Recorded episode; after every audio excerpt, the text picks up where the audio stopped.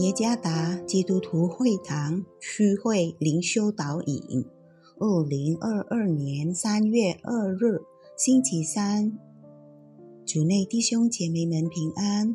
今天的灵修导引，我们要借着圣经罗马书十二章二十一节来思想今天的主题：和平爱好者还是和平使者？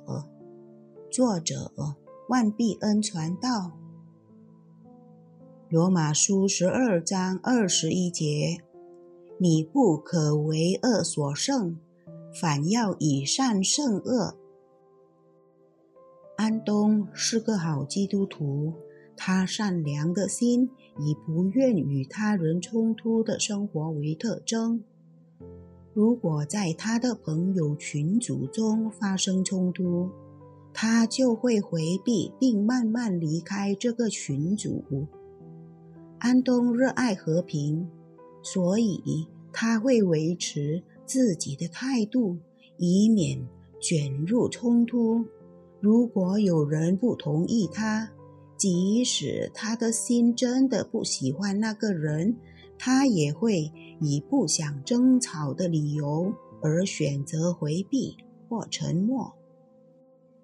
使徒保罗劝勉罗马教会积极处理不愉快的关系，而不是逃避现实或冲突。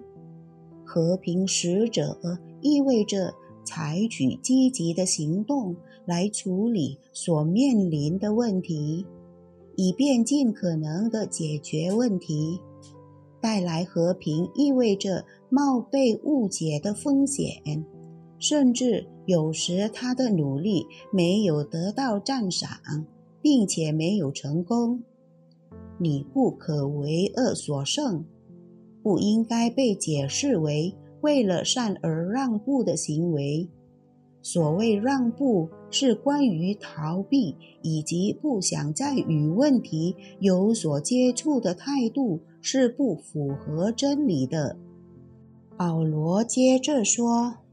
反要以善胜恶，这是一个信徒应该采取的积极和负责任的行动，以基督的爱为基础的行动。带来和平的人是愿意面对、克服和彻底解决问题，从而创造和平状况。实际上，和平使者不同于。和平爱好者，为什么呢？因为和平爱好者只谈论有关独自享受的和平，并不想在他们的家庭或群体中试图带来和平。基督敢于冒着风险使人与神和好，他已准备好冒着被当时维持现状的人误解。怀疑甚至憎恨的风险，我们又如何呢？我们是否敢于面对并以基督的爱努力解决冲突？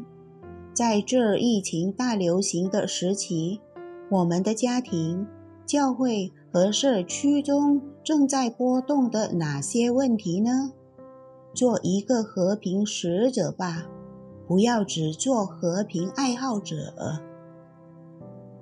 成为和平使者是一种按照基督愿意付出代价为人类带来和平之生命的生活方式。主耶稣赐福。